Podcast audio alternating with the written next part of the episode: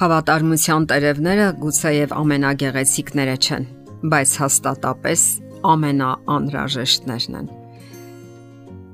Այս միտքը պատկանում է Լեոնիդ Ենգիբարյանին։ Ամուսնական քիչ թե շատ ամուր յուրաքանչյուր միության կայունության մեջ առանձնահատուկ դեր ունի կապվածությունը։ Լինել ամուսնացած եւ լինել կապված հանգույցներով դրանք տարբեր բաներ են Շատ զույգեր կապված են լինում, բայց ոչ ամուսնացած, իսկ մյուսներն էլ ամուսնացած են, սակայն նրանց հանգույցները թույլ են, խախտված կամ քանդվող։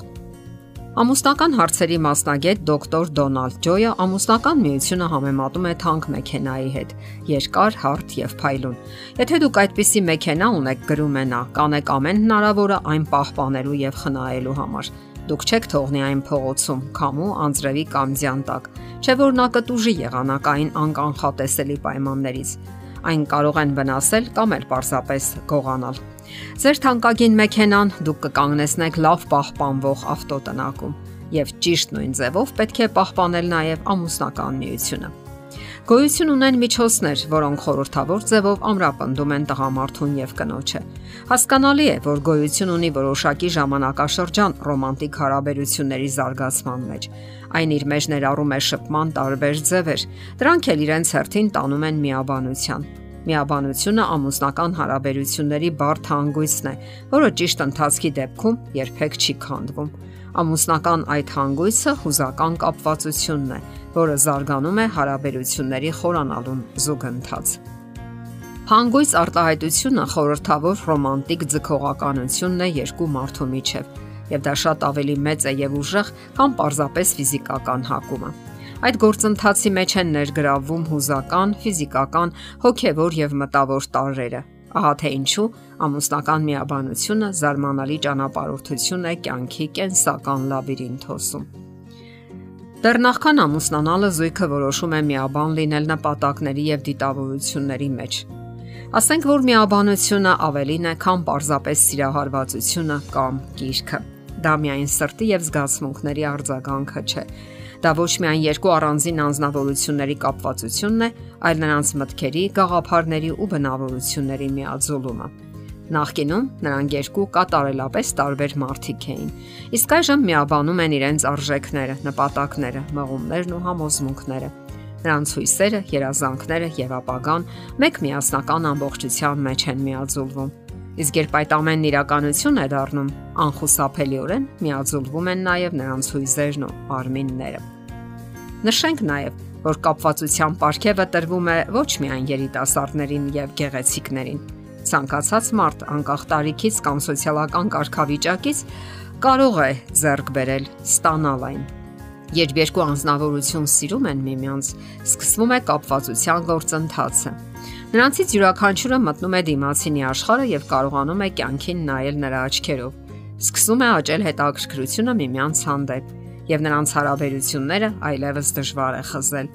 Ոչ ժամանակը, ոչ տարածությունը այլևս չեն կարող խանգարել նրանց ամուսնական հանգույցների զարգացմանը։ Մասնագետները նշում են հարաբերությունների զարգացման կառուցման 12 փուլեր, եւ դա հատուկ է բոլոր մարդկանց, անկախ նրանց մշակույթից։ Ուշագրավ է, որ որոշ մասնագետներ նշում են նաև հոտառական գործոնը։ Շատ զույգեր պնդում են, որ սկսում են ընտելանալ տան հոտին, զուգընկերոջ մարմնի բույրին։ Ամուսնական հարաբերությունների զարգացումը աստիճանական գործընթաց է, թեև երբեմն բավական արագ է տեղի ունենում այն։ Շատերն ասում են, դա սեր էր առաջին հայացքից, սակայն զգացմունքները, գիրքը, ուժեղ ձգողականությունը կարող են խაფել եւ խոր արմատներ չունենալ։ Հարաբերությունների զարգացումը ակնթարթային կամ էլեկտրական հարված չէ, որ շամփրում է զույգին, այլ տևական գործընթաց։ Մարդը չի կարող բարի ուղակի իմաստով կապվել հակառակ սեռի ներկայացուցչին եւ անմիջապես նույնանալ նրա հետ։ Առաջին հանդիպումը, շփման առաջին փորձառությունը կարող է ընդհանրապես փոխադարձ հետաքրքրություն առաջացնել եւ թափ հաղորդել ողջ հետագա գործընթացին ապա հաճախանում են ժամադրությունները, ինչը նպաստում է մերց հարաբերությունների հաստատմանն ու զարգացմանը։ Նշենք նաև, որ գոյություն ունեն սիրային բնորոշ միանման պատմություններ։ Յուրաքանչյուր սիրող զույգ միշտ հակված է եզակի եւ անկրկնելի համարելու իր պատմությունը։ Բոլոր ռոմանտիկ հարաբերությունները զարգանում են որոշակի հաջորդականությամբ որն ընդունված է անվանել ամուսնական կապվածության տանող 12 փուլեր։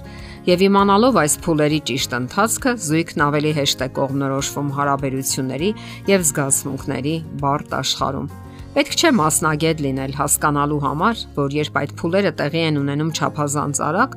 ապագա միության ձևավորման մեջ կառաջանան հիվանդագին եւ վտանգավոր պահեր։